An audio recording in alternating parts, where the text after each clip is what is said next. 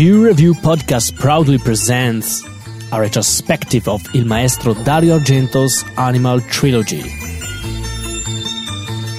Tonight feature is L'uccello dalle piume di cristallo, the bird with a crystal plumage.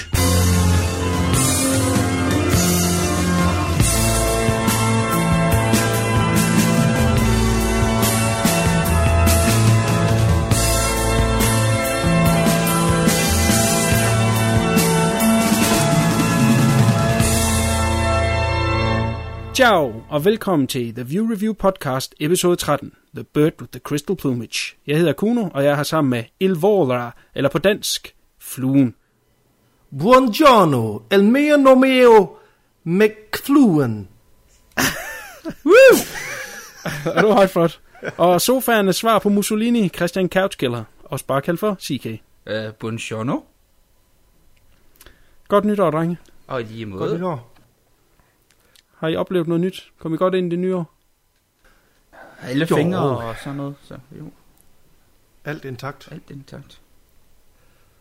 Jeg har jeg havde min nytårsaften øh, med knaldende hovedpine, så det var rigtig hyggeligt. Det var ikke sjovt. Var du i seng med nogen uh, nytårsaften? Hvad siger du? Var du i seng med nogen nytårsaften? Om jeg var i seng med nogen? Nej, der var ikke. Det ved jeg, at det ikke passer. Nej, det passer. Men det skal vi ikke komme ind på her. Hvad? Jo, jo, Okay. jo, hey. Stop, stop. Ja, Ja, jeg, hvad, jeg, jeg, hvad? jeg, jeg sov i samme seng med Kuno Mogensen. Nå. Mm. Jeg vidste det. Jeg har altid været lidt jaloux på jeres tos forhold. Det har jeg. Der er altid plads til en mere. Mm. Måske, måske. Bare, så, læ- bare så længe jeg må være bøffen i jeres sandwich, så er jeg fin. Det øh, kan det godt ske. Godt, tak skal I have, drenge. Nu skal det heller ikke blive forlummert. Vi skyder 2014 i gang med en række specielle programmer.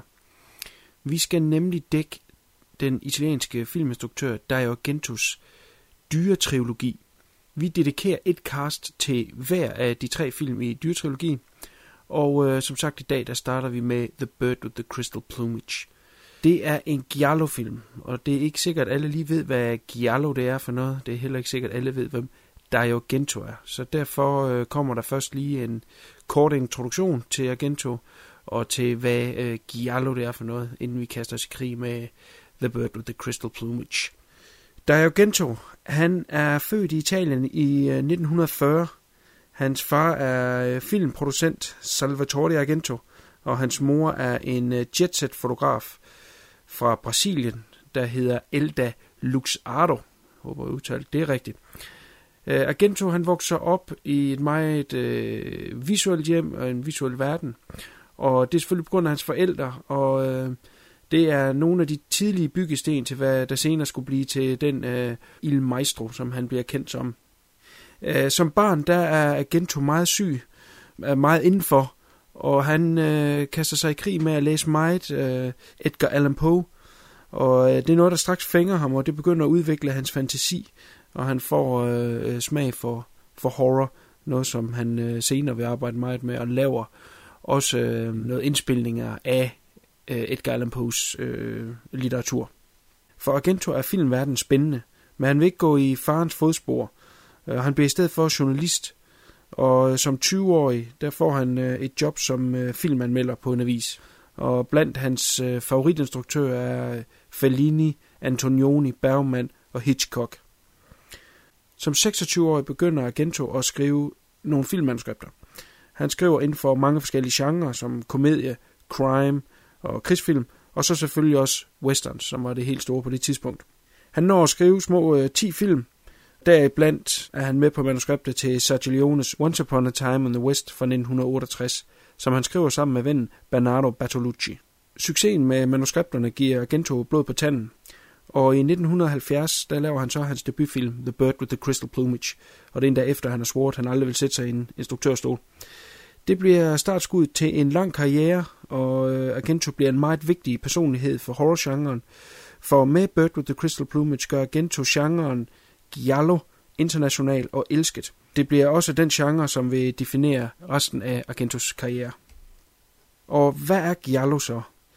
Ja, Giallo øh, er det italienske ord for gul, og det refererer til nogle øh, kriminalromaner, kriminalnoveller fra øh, 1920'erne frem til 50'erne, som var de her små mormysterier i, i, i en lille bogform. Og italienerne, de øh, definerer ligesom øh, øh, krimier og thriller simpelthen bare mordet giallo. Det bliver en fælles betegnelse for det. Og øh, i 1963 øh, laver den øh, italienske instruktør Mario Bava den første øh, Giallo-film, der hedder The Evil Eye, men det bliver ikke det helt store, før Gento kommer med The Bird with the Crystal Plumage. Det er, det er ligesom der, at, at reglerne de bliver sat. Det, der ligesom kendetegner Giallo, er et par enkelte regler. Det er som oftest et who's done it plot, altså hvem er morderen, ud af det her persongalleri, vi bliver præsenteret for. Øh, morderen går øh, sortklædt, har sorte handsker, og lider ofte af en sindssygdom eller paranoia eller en øh, fremmedgørelse, som ligesom fremskynder den her, øh, det her morderiske instinkt. Til genren hører også et særpræget soundtrack, som udtrykker filmens vanvid. Mest kendt er øh, Ennio Morricone og Goblin, som begge har arbejdet øh, med Argento på, på hans film. Genren blev meget hurtigt populær i Italien, og øh, sådan i, i Øh, de kronede dage af Giallo, øh, 1968-72, der blev der produceret 75 Giallo-film i Italien. Sideløbende med Giallo-genren, så var der en anden krimi-genre, en politigenre, som gik under navnet Polizio Teschi, som var en ren crime thriller. Men mange instruktører, de hoppede i, imellem de to genrer, og de glæder også nogle gange øh, sammen. Andre Giallo-instruktører, som er værd at nævne i den her sammenhæng, er naturligvis Mario Bava, som ligesom startede det, Sergio Martino, Massimo Dallamano, Aldo Lado, og som rosinen i pølseenden, den frygtede og berygtede, men også meget elskede Luigi Fulci. Men det er hele tiden Argento, der sætter standarden. Han laver dyrtrilogien, som vi dækker herover de øh, næste par casts, og det bliver kun startskud til hans lange karriere. Han møder i 1974 skuespillerinden Daria Nicolodi, som øh, han gifter sig med. Nicolodi er med til at skubbe til øh, Argento, skubber Argento i en ny retning og udvikler hans kreativitet. Så Argento har meget at takke øh, Nicolodi for. Øh, men de to har et øh, turbulent ægteskab, som nærmest bliver udstillet i hans film, hvor øh, Diana Nicolodi er med i, i alt seks af hans film. Og øh, hver gang, øh, der, der myrdes øh, hendes karakter på øh, mere og mere brutal måde. Og øh, mange ser det som øh, Argentos måde at, at, at afreagere igennem film på. Sammen får de datteren Asia Argento, som i dag er øh, skuespiller og filminstruktør.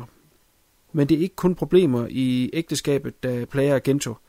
Øh, farens øh, sygdom og død i 1987 svækker Argento, og han, øh, han mister et eller andet, noget som skinner igennem øh, ved hans film. De bliver aldrig de samme, når vi forlader 80'erne og går ind i 90'erne og 2000'erne frem til i dag. Øh, der er et eller andet, øh, der, han, han taber ved, ved tabet af hans far. Ved hans side står dog stadigvæk øh, hans bror Claudio, som øh, agerer producent på øh, mange af hans film efter farens død. Agento prøver i 90'erne at lave film i Amerika. Det bliver ikke nogen stor succes, og han tager hurtigt hjem igen øh, for at lave film i hans øh, elskede Italien. Midt i 90'erne begynder han at lave film med datteren Arthur, øh, og hun medvirker i alle hans film lige siden. Det er et meget underligt forhold, de to de har, i hvert fald foran kameraet, om man vil. Fordi hendes karakter ofte øh, er nøgen, eller øh, i det helt ekstreme tilfælde i The Stendhal Syndrome fra 1996, hvor øh, hendes karakter bliver voldtaget et utal af gange. Øh, men øh, til trods for det, så er øh, Asia, øh, i hvert fald følge hende selv, øh, der er jo Gentos største fan. Ja, det var øh, ganske kort opridset lidt om Argento. Øh, der er masser af masser af ting, som øh, jeg ikke har taget med, simpelthen på grund af, så det bliver et øh, syv timer langt program det her. Der findes utrolig mange øh, dokumentarprogrammer og øh, litteratur omkring Argento, og, og synes man, det ville være interessant at læse mere om ham, og han er en interessant person, så vil jeg kun opfordre til det. Vi kommer til at strejfe flere af de her ting, når vi gennemgår øh, de tre film, The Bird with Crystal Plumage, The Cat o' Nine Tails og Four Flies. Der kommer vi til at gennemgå flere af tingene. Øh, næste gang vil jeg gennemgå øh, alle hans film for uden trilogien her. Og øh, den sidste gang, der vil jeg gennemgå hans øh, øh, tv-film og øh, de øh, ting, han har produceret og skrevet til, som han ikke selv har instrueret. Og han har også haft nogle producerer, som også har haft stor karriere. Så vi kommer forbi meget mere Gento øh, og døb hænderne ned i. Men vi starter som sagt med The Bird with the Crystal Plumage. Det var filmen, der satte Giallo på kortet. Det var filmen, der satte Dario Gento på kortet. Så øh, det er nok det bedste sted at starte. Så øh, uden mere øh, kedelig snak fra min side af, så går vi i gang med anmeldelsen af The Bird with the Crystal Plumage.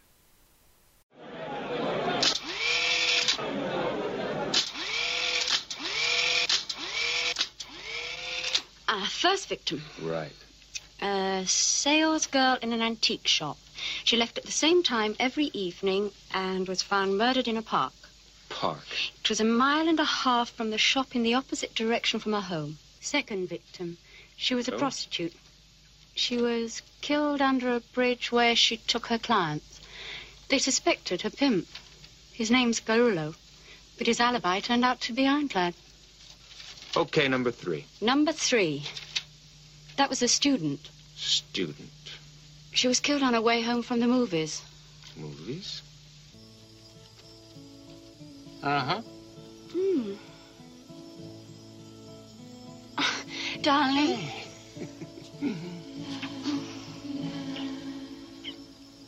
oh, it gives me the shivers.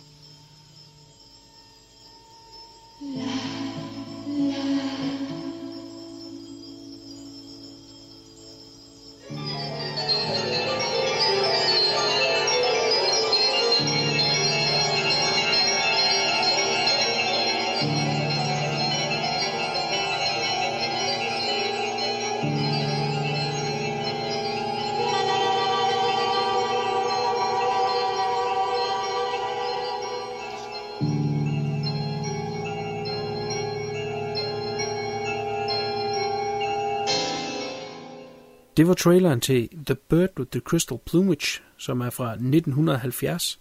Den er også kendt under titlen Gallery Murders og Phantom of Terror.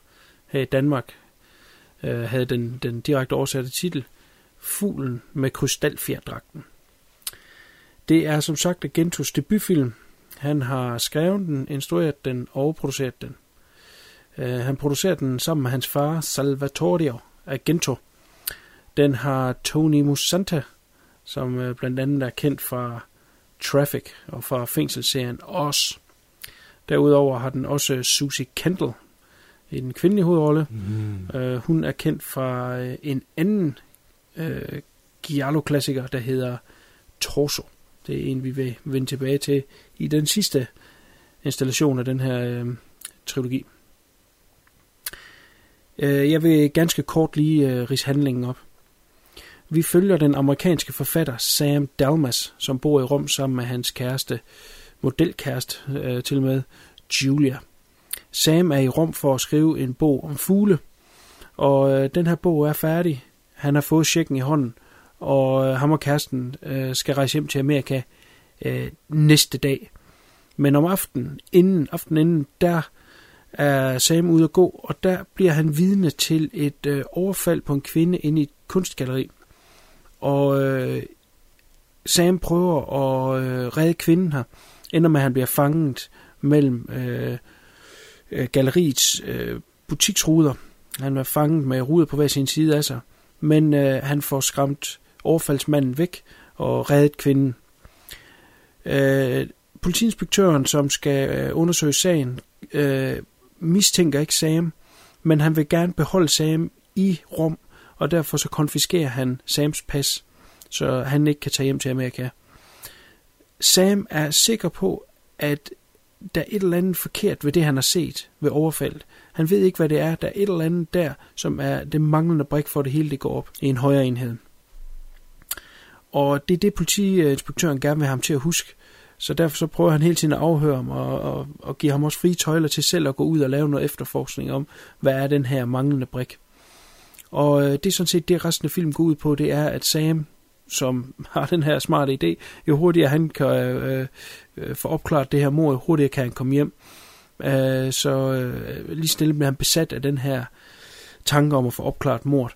Og han roder sig selv dybere og dybere ind, og øh, kommer også så tæt på, at morderen begynder at true ham og kæresten. Så øh, han kommer ud, hvor han bestemt ikke kan bunde. Det er ganske kort handling i uh, The Bird with the Crystal Plumage. Argento har som sagt skrevet manuskriptet, øh, han har skrevet manuskripter før, øh, men et eller andet sted undervejs i den her, der havde han øh, ligesom fået den idé, at det måtte være ham, der, der kunne lave den bedst. Grundlaget til øh, manuskriptet er, er baseret på en bog, der hedder The Screaming Mimi af Frederick Brown. Det er en øh, bog, som øh, Argento får af hans gode gamle ven Bertolucci, øh, og øh, har altså fængt ham nok til, øh, at han overvejede at sætte sig i instruktørstolen, ellers noget han er svoret, han ikke vil, og, øh, og skulle instruere det, der så bliver til The Bird with the Crystal Plumage. Øh, han allierer sig selvfølgelig med hans øh, producerfar, og som var et relativt stort navn dengang, og øh, sammen med øh, nogle italienske pengemænd og nogle tyske pengemænd, så får de produktionen op at stå. Øh, Argento bliver midlertidigt tvunget til at tage Tony Musante med, fordi at øh, den italienske del af produktionen har arbejdet med ham før og har haft stor succes. Øh, men Musante viste sig at være noget af et mareridt for Argento, simpelthen fordi han var en skuespiller, som øh, øh, var meget, meget, meget krævende. Hele tiden skulle diskutere omkring karakterer. Han var også øh, øh, lidt høj på strå, fordi Agento var en debuterende instruktør, så han mente hele tiden, at han skulle fortælle ham, hvordan øh, det skulle sættes sammen. Og øh, det var ikke uvandt, at øh, Musan skulle komme hen og banke på Agentos dør kl. 3 om natten, for at skulle fortælle ham, hvad de skulle filme dagen efter, og hvordan de skulle gøre. Øh, han, han, han var et mareridt for Agento at arbejde med. Der er en, en lidt sjov historie med øh, Mosante fra en tv-serie, han var med i i Amerika. En politiserie, hvor øh, producenterne også fandt ham noget krævende. Men de kunne desværre ikke fyre ham. Så det de gjorde, det var, at de lukkede simpelthen tv-serien ned. De cancelede den. Og på den måde så blev han frigjort hans kontrakt, og så startede de så serien op igen, den her gang med Robert Blake i hovedrollen, og det er den tv-serie, som i dag er kendt som Beretta. Så han har ikke været øh, en nem mand at arbejde med. Men det var ikke det eneste problem, øh, Argento havde med de italienske producenter. Øh, den øh, legendariske italienske producent Jeffredo Lombardo, det var meget flot udtalt, han, øh, han, han kan ikke lide det, øh, Argento laver. Øh, han følger med løbende, hvad der, hvad der bliver filmet, og han, han, han forstår det ikke, og, og vil gerne have øh, Argento fyret for filmen. Han prøver at købe Argento øh, øh, ud af produktionen, simpelthen bare lægge penge på bordet til, at han går. Øh, Argento vil selvfølgelig lave filmen færdig, og desuden øh, er han svær at fyre, fordi han er producent på film, manuskriptforfatter og instruktør. Det er ikke lige nemt at, at, at smide ham på borden. Øh, og selvfølgelig også med... Øh, med støtten fra hans far, lykkedes det at, at få lavet filmen færdig. Men det færdige produkt øh, hader Lombardo. Han, han kan ikke lide den film øh, og, og overvejer faktisk at, at, at smide den på en hylde og aldrig udgive den. Men en screening mellem hans øh, ansatte får ham til at skifte øh, mening, øh, da hans personlige sekretær bliver så rystet over filmen, for alligevel Lombardo til at tænke, der må være noget over den her. Og, og de får filmen ud, og den, og den ender også med at blive en, en stor succes. Og lige pludselig vender Lombardo på en, øh, en tallerken og hyrer Argento til tre yderligere film. Så øh, ja, det er bare italiensk producenter for det. Filmen blev produceret for øh, 500.000 dollar, som på det tidspunkt ikke var et stort budget i Italien. Uh, alene i Amerika i dens biograf-run, hvor den uh, nåede en enkelt uge på uh, førstepladsen uh, på uh, box office-listen, der indtjener den uh, 1 million dollars, så allerede der fordobler den pengene, men altså den går bestemt også sin sejrsgang over hele Europa, og bliver en stor succes for uh, Argento. Den store succes med uh, Bird with the Crystal Plumage på verdensplan giver ham tilnavnet den italienske Hitchcock. Og at filmen bliver en stor international succes er, er der ingen tvivl om, fordi på det her tidspunkt, så er det faktisk kun Sartiliones uh, største westernfilm, som har klaret sig øh, godt på det amerikanske marked, altså virkelig klaret en øh, økonomisk øh, succes. Øh, og ind kommer Agento så fuldstændig uskrevet blad og laver øh, begår et lille genistreg med den her Bird with the Crystal Plumage, og, og, og får altså en box office øh, succes med den. Jeg vil lige kort nævne nogle af de øh, folk, som var med Agento bag kameraet.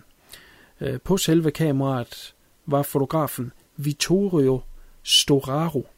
Jeg håber, jeg udtalte det rigtigt. Øh, på det her tidspunkt ikke et stort navn. Øh, det var hans første farvefilm. Det var han, den største film, han arbejdede på på det her tidspunkt. Men han skulle ende med at blive en af de vigtigste filmfotografer, øh, vi nogensinde har haft. Han er Oscar-vindende øh, fotograf, og jeg prøver lige at nævne nogle af de titler, og de skulle gerne alle sammen ringe en klokke. Han har været øh, en af Bertoluccis faste fotografer, blandt andet på øh, 1900 og på øh, The Last Emperor. Derudover Apocalypse Now og Dick Tracy øh, og flere af øh, Warren Beatty's film. Det er en fantastisk fotograf, som øh, har været med til at definere, hvordan vi øh, i dag ser øh, filmfotografi. Så det var lidt et scoop for øh, Argento at, og, og, at nappe ham, før han blev et stort navn. De to er øh, gode venner den dag i dag, men de nåede kun at lave den her ene film sammen. På musiksiden øh, fik Argento Ennio Morricone. Ennio Morricone er jo øh, en gud, når det kommer til filmmusik. Og hvordan Argento fik ham med, går selvfølgelig igennem, at Argento var med til at skrive manuskriptet til uh, Once Upon a Time in the West, som uh, Ennio Morricone havde lavet musik til. Så allerede der var der et link. Derudover var uh, Morricone og Argentos far uh, Salvatore gode venner, og uh, som om det ikke skulle være nok, så boede Argento og Morricone relativt tæt på hinanden. Så øh, umiddelbart så gik Morricone med til i hvert fald at snakke med Argento om at, at score øh, den her øh, debuterende film. Så øh, Argento tænkte, øh, jamen jeg har nogle idéer om, hvad det skal være for noget musik. Jeg går i min pladesamling og finder øh, det musik, jeg rigtig godt kan lide, og noget af det, jeg godt kunne tænke mig kunne komme med i min film. Så øh, går han de øh, par hundrede meter, der er over til Morricone og banker på hans dør, og da Morricone kommer ud og ser, at Argento står med plader under armen, så bliver han stiktosset, og det er lige før deres samarbejde slutter allerede der, før det overhovedet var begyndt. Øh, Morricone vil ikke lave andres musik. Han ville lave hans egen musik. Han mente, det var instruktørens øh, job at forklare, hvad det var for noget, han ville have. Og så var det øh, komponisten, og i det her tilfælde Morricones opgave, at løfte det og puste liv i det. Øh, man skulle ikke komme med noget musik, som han skulle lægge sig op af. Men øh, Argento var rimelig øh, snarrådig, og øh, øh, set i lyset af, at de boede tæt på hinanden, og jeg ved ikke om Morricone ikke selv har haft bil, det lyder lidt underligt, men, men Argento kører i hvert fald øh, kone meget rundt i den her periode. Og øh, så tvinger han ham simpelthen til at høre det her musik ved øh, at sætte det på båndoptageren, eller 8-tracken, eller hvad det nu har været. Og øh, så kunne øh, Morricone altså ikke sige, at han ikke ville høre det. Så hørte han det der i bilen, og lige så stille for øh, Agento overvundet Morricone øh, øh, til at, og, og indrømme, at den her type musik, han gerne vil have, som er det her offbeat, øh, øh, jazz, øh, moderne eller 1970, øh, at det er øh, vejen at gå med, med den her film. Øh, Morricone har lavet omkring 500 musik til 500 film- og tv-produktioner i hans karriere. Det er jo næppe overgået af andre, jeg kan næsten ikke forestille mig det. Uh, han, han har med 500 uh, øh, film og tv under bæltet selvfølgelig gentage sig selv nogle gange. Men med de projekter, som han lavede til Agento, øh, der har det altid været unikt, og det er ikke noget, han har... Øh, man, kan, man kan ikke rigtig høre genbrug i det. Øh, og, og, og det var øh, et projekt, han nød at arbejde på, og, og, og lave en helt ny lydside af det her fusionsjazz blandet med, øh, jeg ved ikke, hvad man skal børnerim øh, af en art. Det er noget uskyldig musik, og, og det blandede han ind i det her horror, og det, det var det, der blev til soundtracket til Bird with the Crystal Plumage. Øh, og Morricone må have nyt uh, samarbejdet, for han laver uh, soundtracket til de to efterfølgende uh, Argento-film, og uh, lidt over samme støbeske, men, men helt anderledes musik, men igen det her med det infantile lille nummer, som uh, skal stå for uskylden. Og øh, han vender tilbage senere i Argentos karriere og laver musik til to andre film.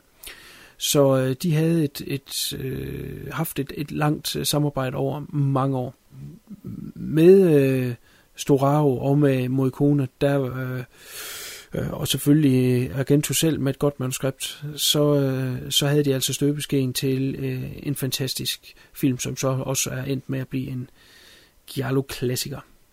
Godt, drenge, jeg er blevet tør i halsen. Nu øh, må I gerne byde ind med, med hvad I har. Øh, hvad, hvad, først, øh, havde I set filmen før? Det havde jeg. Jeg havde også set den før. Okay, jamen øh, så, øh, så lad os høre, hvad, hvad siger du, Fluen?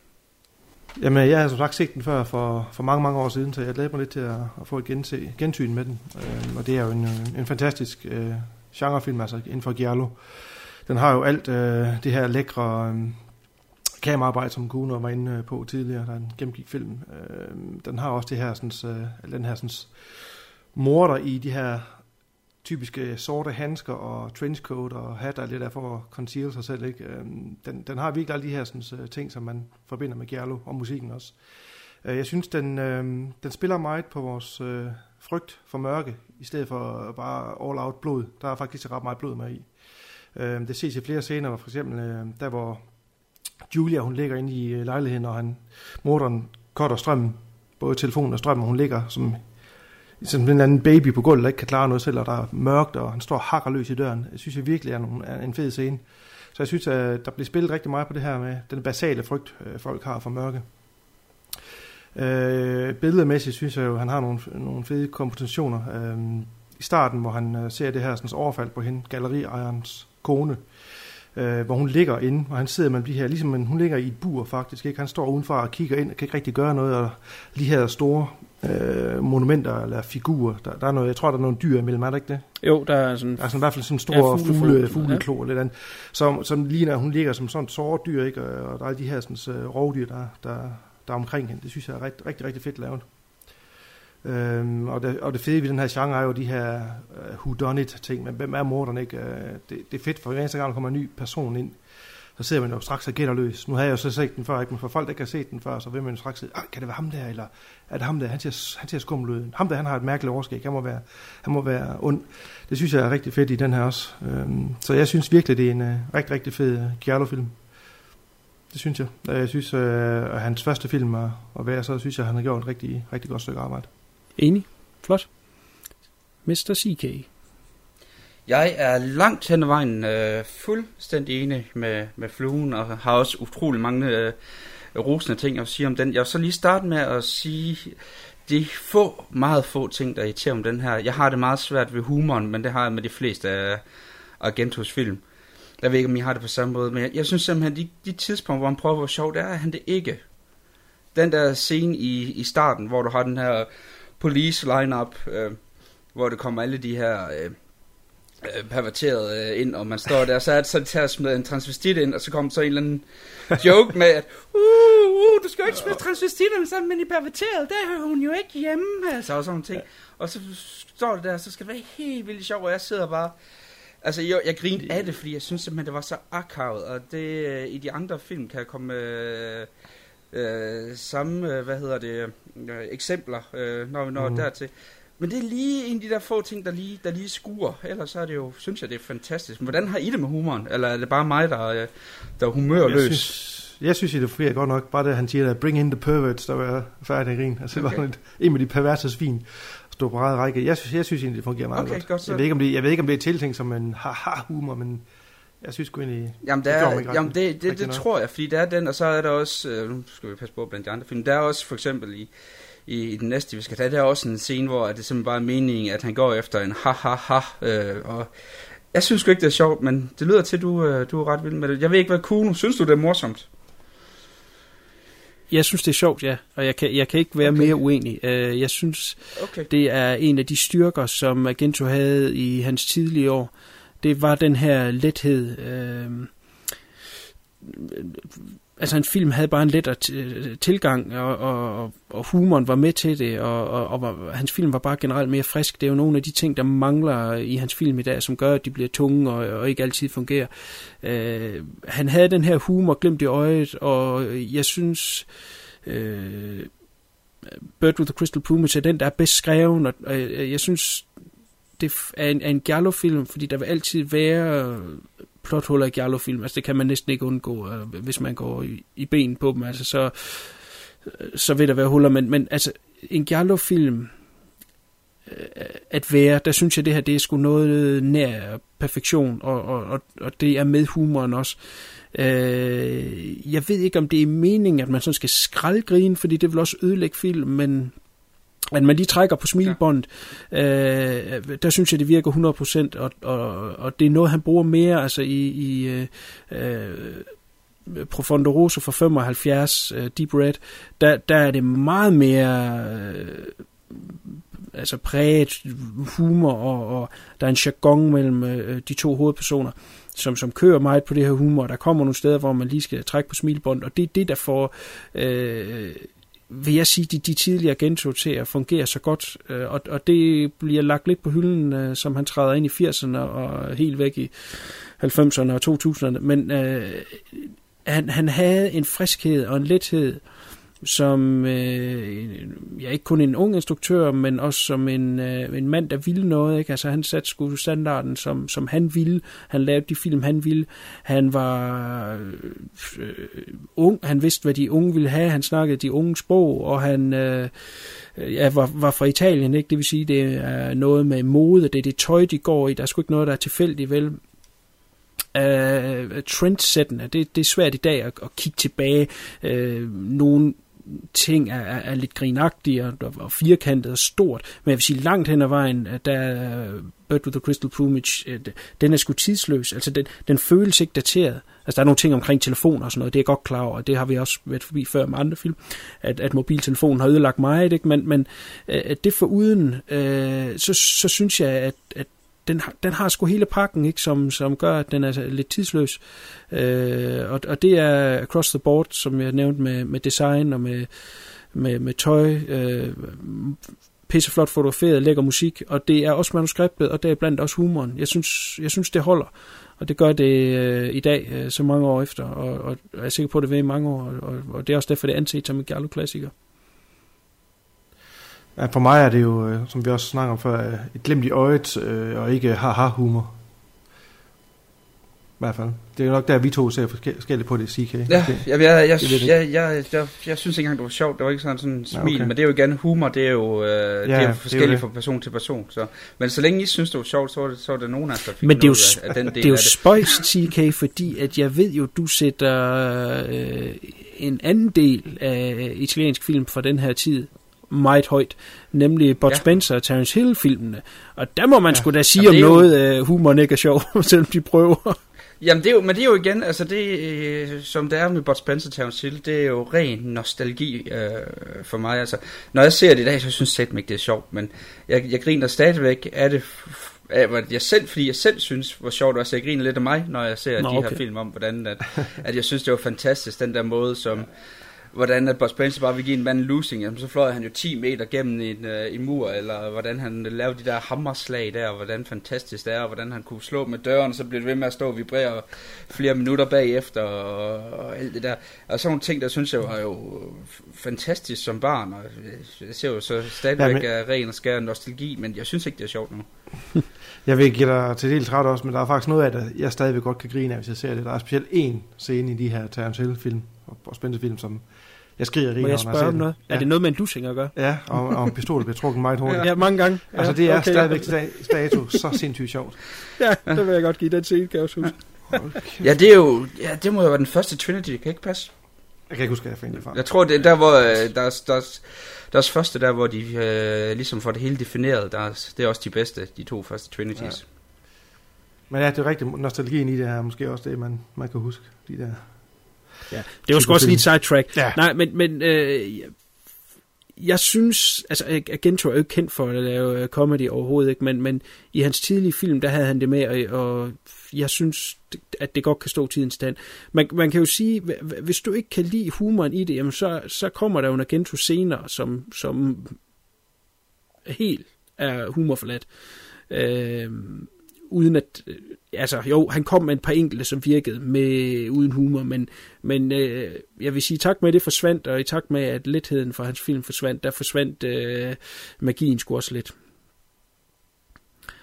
Så øh, ja, Godt. Skal vi prøve at gå lidt mere øh, taktisk øh, til, værs, til værks omkring øh, filmen, og hvordan den er bygget lidt op, så når vi kommer cirka halvvejs, så kan vi gå i spoiler mode. Ja, det kan vi sagtens, fordi øh, Sagtens. mere eller mindre alt de, de positive ting, jeg har sagt, øh, det, øh, det har øh, fluen været omkring, og øh, du kom nok også omkring de sidste par ting der, som... Altså, jeg har, jeg har kun en lille abadabai ting, men det er, som du har været inde på, Kuno, det her med, at der- der bliver set meget let på, at han render rundt og leger kop, og sådan nogle amerikanere. Det synes jeg måske er sådan en lille smule øh, er undrende overfor. Men ellers så har jeg ikke rigtig noget på den. Jeg synes, øh, jeg synes virkelig, det er en, en helt støbt film. Ja. Mange vil jo nok Mm. sige, når vi nu senere skal jeg gå ud fra, at vi alle tre anbefaler den her film til folk, så skal man lige have øje med de her, det er jo en, en som du sagde, tysk, øh, skråstreg italiensk produceret film, og, og de er, fleste af de her sådan, gamle Giallo-film eller italienske film, de er jo dobbelt. Og mange misforstår det lidt, eller mistolker det, som om, at det er dårlige skuespillere. Det er det jo absolut ikke. Øh, jeg, det kræver sin tilvænning nogle gange med de her sådan, øh, eftersynkroniserede italienske film. Ja. Det er jo en sjov ting, fordi jeg, jeg har, og det har I også, det er nok noget med generationer at gøre, Mm. at øh, da vi var unge knøse, og måske endda sådan pre-teens, øh, når man var nede og lege en film, så, så vidste man aldrig, hvilken film der reelt var amerikansk produceret eller engelsk produceret, Nej. og så hvad for en var italiensk. Nej. Fordi at de, de, de kom jo ud med en engelsk titel, Ja. og hvis instruktøren ikke var, øh, hvad hedder det, etableret som for eksempel øh, Agentor, så, øh, øh, så, så fik de simpelthen et, et engelsk navn, og skuespillerne fik engelske navne, ikke? For eksempel, ja. som vi nævnte før, Terence Hill og Bud Ja. Spencer og Terence Hill, ikke? Så øh, man gik ned og så legede man en film, og oh, den hedder et eller andet på dansk, ikke? Så vender man den om, engelsk øh, original title, det er så en engelsk titel, ikke? Og de har engelske navne, alle dem, der har lavet den. Åh, oh, den køber så går man hjem, og så satte man den i afspilleren, og så snakkede de også engelsk. Og der var danske undertekster på. Og jeg, jeg, jeg ved ikke, om det er, fordi vi er opvokset med det her, men i dag, jeg kan jo sagtens se, at mundbevægelserne ikke passer, mm. men det generer mig overhovedet ikke.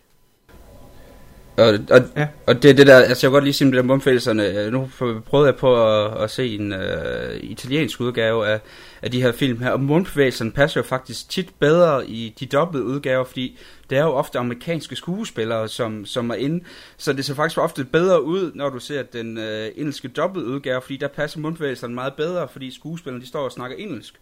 Så det er tit, for eksempel når du ser den italienske udgave, jamen, så passer mundbevægelsen fuldstændig af H til, selvom den jo faktisk skal forestille at være original på italiensk. Fordi alt bliver Jamen, dobbelt. fordi de aldrig taler Ja, italiensk. fordi der var jo også så mange, det var også noget med, at selv når de lavede ren øh, italienske film, blev det også dobbelt, fordi der åbenbart var så mange aksanger, som så gjorde, at, øh, at det skurede i, øh, i ørerne, så, så alt blev bare dobbelt øh, mm. bagefter i Ja, der er, flere, der er flere ting i det end som så. Der er for det første er der den ren øh, øh, det produktionsmæssige. Det er, de arbejdede øh, hurtigt. Meget hurtigt i Italien.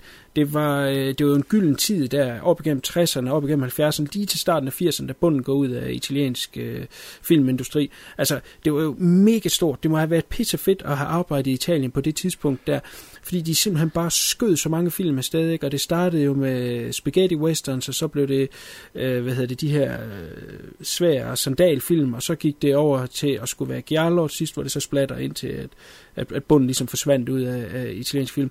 Men øh, de, de, de skød jo simpelthen de her film afsted lynhurtigt, og, og derfor var det jo altså ikke altid optimale filmforhold. Så øh, det man normalt siger, når man siger en soundstage, så er det et ideelt filmstudie, man er i. Øh, det var der ikke noget, der hed Italien. Der filmede man skulle bare, hvor man filmede, og, og, og det kunne godt være, at der var nogen, der var ved at bygge et sæt lige ved siden af. Og, og mange af de her italienske film havde jo altid en amerikansk eller en engelsk stjerne i hovedrollen. Og så var det andet, det var så bare italienske skuespillere. Mm. Og det man tit hører de her øh, øh amerikanere og englænder sige, det var jo, at det var jo noget af et chok at komme derned, fordi de var vant til, at man kom over, og så står der en og siger, quiet please, og så skal alle være stille. Det var slet ikke sådan, de gjorde i Italien. Som sagt, der kunne stå nogen ved siden af med, med at stå og hamre og save et sæt sammen til en westernfilm, selvom du selv stod og var ved at filme en... Øh, en scene, der skulle foregå midt i øh, en stor by. Altså, øh, det var sådan filmindustrien, så, så derfor var det også meget med, så lægger vi bare lyd på bagefter, det er ligegyldigt. Mm. Men lige nuagtigt det der med at snakke, jamen, øh, deres film var jo, øh, øh, det er jo lidt skørt at tænke på i dag, at italiensk film, så mange som de smed ud, og hvor stort det var, det var gearet til det øh, internationale marked, og specielt selvfølgelig det amerikanske marked. Det ville være lidt ligesom, hvis vi i dag lavede film i Danmark, hvor vi altid snakkede engelsk i. Altså, det er jo helt sindssygt at tænke på, mm. at, at de lavede de film til, at man skulle snakke engelsk. Og det vil sige, at de italienske skuespillere, som højst sandsynligt ikke kunne snakke engelsk, de fik, øh, skal vi sige, øh, øh, et manuskript, hvor at de bare skulle sige de ord. Og, det, og, og, og, og øh, de amerikanerne og englænderne, øh, hovedrollen her, de stod så og hørte på det her gebrokken et eller andet, som måske kunne de lige kende et ord, der var engelsk, resten det var bare vulipyk. Men det var lige meget, så de skulle stå og have en pingpong af ren amerikansk engelsk, og så til en, der står, øh, hvor det bare lyder som ja, øh, en lavine, ikke? Og så blev det dobbelt til, og så derfor så passede mundbevægelserne aldrig. Og der lyder endda historie om, at der var nogen af de virkelig low-budget film, der øh, gad de ikke engang at lære skuespillerne at prøve at snakke engelsk. Der bad de dem simpelthen bare om at stå og til. Så hver gang de sagde noget, så stod de bare, øh, øh, uno, du, øh, der, ikke? og så bevægede deres mund så det er fint. Sejt. Så ligger vi bare en anden, øh, t- hvad hedder det, tale ind over bagefter. Det er jo sindssygt at tænke på, at det er foregået så. Men, Ja. men, men det er årsagen dertil. Men, men altså, det må have været et sindssygt øh, tid øh, at, arbejde i film der i Italien. Og der var mange, der kom over... Øh, nogen, som har været store skuespillere, eller haft en okay karriere med, kan man måske have lidt svært ved at finde roller. De to år til Italien, så var de derovre måske et år eller to, eller f- mm, tre, fire år, ikke? Og så var de bare med i øh, fire film om året, eller sådan noget. Så fik de betalt øh, deres bolig, så boede de øh, ned til vandet i Italien og drak vin om aftenen og spiste god mad og levede simpelthen lige livet. Øh, som sagt et år eller to, og så var de bare med i masser af film der, og så tog de tilbage til Amerika, og så har de tjent øh, pænt på dem øh, og haft øh, the time of their life. Det er, jo, det er jo helt vanvittigt at tænke på i dag. Ja. Og det er også derfor, at at mange af de her producenter af, af de her film, de er jo ikke altid øh, altså køndige filmproducenter. Det var bare måske en rigmand, eller en, der havde nogle penge, som sagde, øh, der er så mange penge i italiensk film, jeg vil også ind og lave en film. Ikke? Og, og der, jeg smider penge i det første film, man skal der komme forbi min næse. Det var derfor, nogle af dem, de, de, de, de lavede jo kontrakter, som de kunne ændre og sælge, og det er jo derfor mange italienske film, de har 700 forskellige titler, fordi de kunne sælge dem igen og igen til forskellige øh, territorier under andre titler, og blive med at genudgive dem, og, og det er også derfor, der er nogle film, der er forsvundet, hvis der er en rig mand, der har ejet rettighederne, og han ikke vil slippe dem, og så er filmen bare forsvundet i et eller andet ja, Mm. oprydningsarbejde en gang. Det er spændende. Italiensk film for den periode, der er jo fattelig spændende. Ikke kun at se, men også historien bag.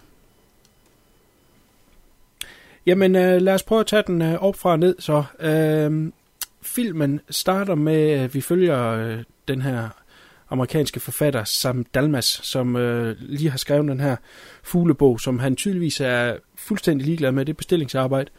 Han vil ikke engang have en kopi af den, han vil bare have pengene, så han kan komme hjem. Og øh, på vej hjem fra at have fået den her check, der er det, at han kommer gående ud på en vej, og så ser han over på den anden side af, af den her vej, det er sent om aftenen, øh, der ser han to stå op på øh, en afsats inde i et galeri og, og, og, og mosle. Han kan ikke helt se, om de slås eller hvad fanden de gør. Så han prøver at gå over vejen, hvor han er ved at blive kørt over af en bil. Og da han så endelig kommer over, der er øh, den ene, som øh, er klædt i sort, har en sort hat på, en sort jakke på, som øh, hopper ned fra den her afsats og, og, og stikker af. Og så ser han så kvinden her øh, kom øh, nærmest faldende ned ad trappen. Hun er blødende for maven, hun falder sammen på gulvet og kravler hen over gulvet og, og beder ham om hjælp. Men han kan ikke komme ind. Den her glasdør, den er, er lukket. Og så øh, lukker et andet sæt glasdøre bag ham. Så han er låst ind mellem de to. Øh, kan ikke hjælpe hende, og han kan ikke komme ud og, og, og kalde på, tilkalde hjælp. Øh, tilfældigvis så kommer der en mand forbi, som han så får øh, kommunikeret, at han skal ringe til politiet, som så kommer kort tid efter. Det er lige introen til det, der skal blive mysteriet i The Bird with the Crystal Plumage. Jeg må indrømme, da jeg så den her film første gang, der synes jeg simpelthen, det var så fucking genialt fundet på øh, at sætte vores hovedperson i den her situation. Altså for det første det med, at han ser noget, som man gennem hele filmen ikke ved helt præcis, hvor han skal placere. Selv det er genialt. Det er jo så noget, der går igen i alle, eller næsten alle Ja, Argentus-film. det der magtesløshed Øh, der. Det, øh, det, Ja, men nej, men også det der med, at man har set noget, man ikke lige ved, helt ved, hvad er. Øh, fik de øh, clues fra start af, jamen så øh, var filmen kun 5 minutter. Men også det der, som du siger, med at være øh, fanget i det her øh, glas. Jeg synes simpelthen, det er så genialt lavet. Hvad er jeres tanker umiddelbart om, om det, der ligesom er katalysator? Jamen, som du selv siger, det der med, at øh, magtesløsheden, det er jo, det er også, som han, han vender tilbage til det igen i de andre film, vi skal med her. Men det fungerer også sindssygt godt. Altså det der med, at man, man føler jo øh, i, i de her film øh, med karakteren, altså der hvor han står der, og han, han, han kan jo ingenting, og han, han ser en kvinde, der er ved at dø, og du ser den her mand, der kommer gående ude øh, på gaden, som han, han prøver på at få kontakt med, men han er ikke sikker på at få kontakt med, fordi manden ude på gaden kan jo ikke høre, hvad han siger. Så der har du også den der med, hvor han, han ved jo ikke, om der kommer politi eller ej, eller om han bare tror, at han er sindssyg, og den forbipasserende der. Og det bliver ved med, så man, man sidder lige der de, de første to minutter der i starten og tænker, hold da kæft, hvad øh, foregår resten af filmen bare her?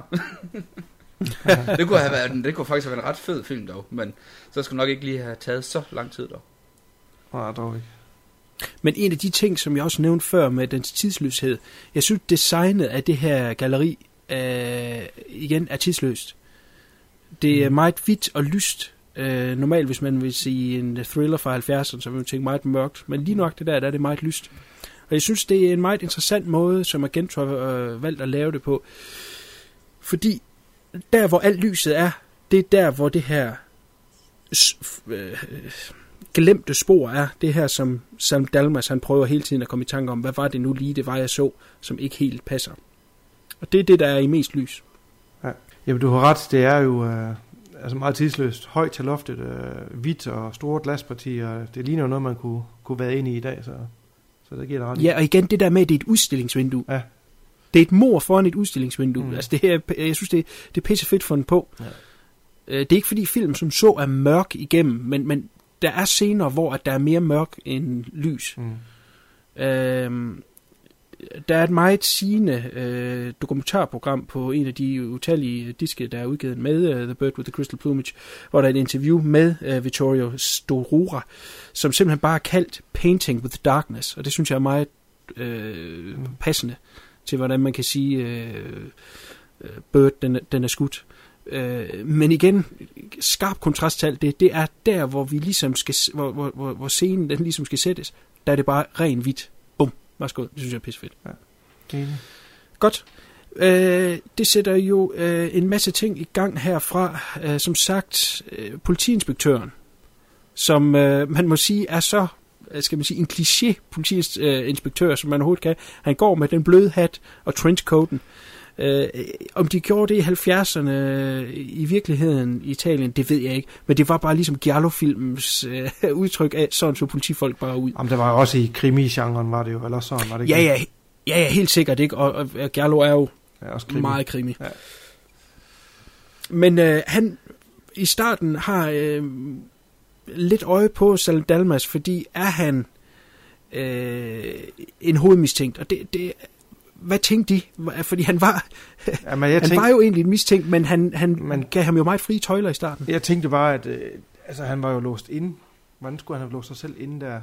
Øh, det, det må de jo have... Ja, politimanden kommer med en teori i, at, at uh, Sam har stukket en kvinde ned, og så da han skal ud, der bliver det af urensagelige årsager den anden vindue udløst. Men er det ikke no- øh, Øh, kan det ikke være grund til, at, at det der med at give- en person øh, reb, langt nok reb til at hænge sig selv, at det er det der med, at så kan det være, at han kompromitterer sig selv, hvis han får langt nok snor øh, til at gå ud med det, og hvis det skulle vise, at det er ham, som, som er Morten, så på et eller andet tidspunkt, hvis han får lov, så vil han komme så langt ud, at han ikke kan bunde, og så vil man mere eller mindre kunne få bevis om på den måde. Det kunne måske være, at det var et eller andet i den stil. Ja, måske. Men i hvert fald så øh, trækker han ham ind til afhøring, og øh, øh, der siger Sam så, at øh, han, han øh, er glad nok for at kunne hjælpe, men øh, han er egentlig ikke mere interesse i det, og, og desuden så skal han øh, hjem til staterne øh, i overmorgen. En sætning, han kommer til at bruge utrolig mange gange i den her film.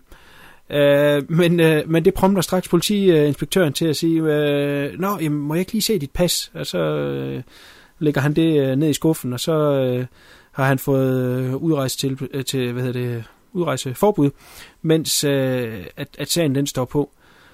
Øh, det er jo fordi, at han bliver ved med at sige, at der er den her ene ting, han har overset. Og, og, og det er inspektøren helt sikker på, at når det falder på plads, så vil resten øh, ligesom øh, løse sig selv.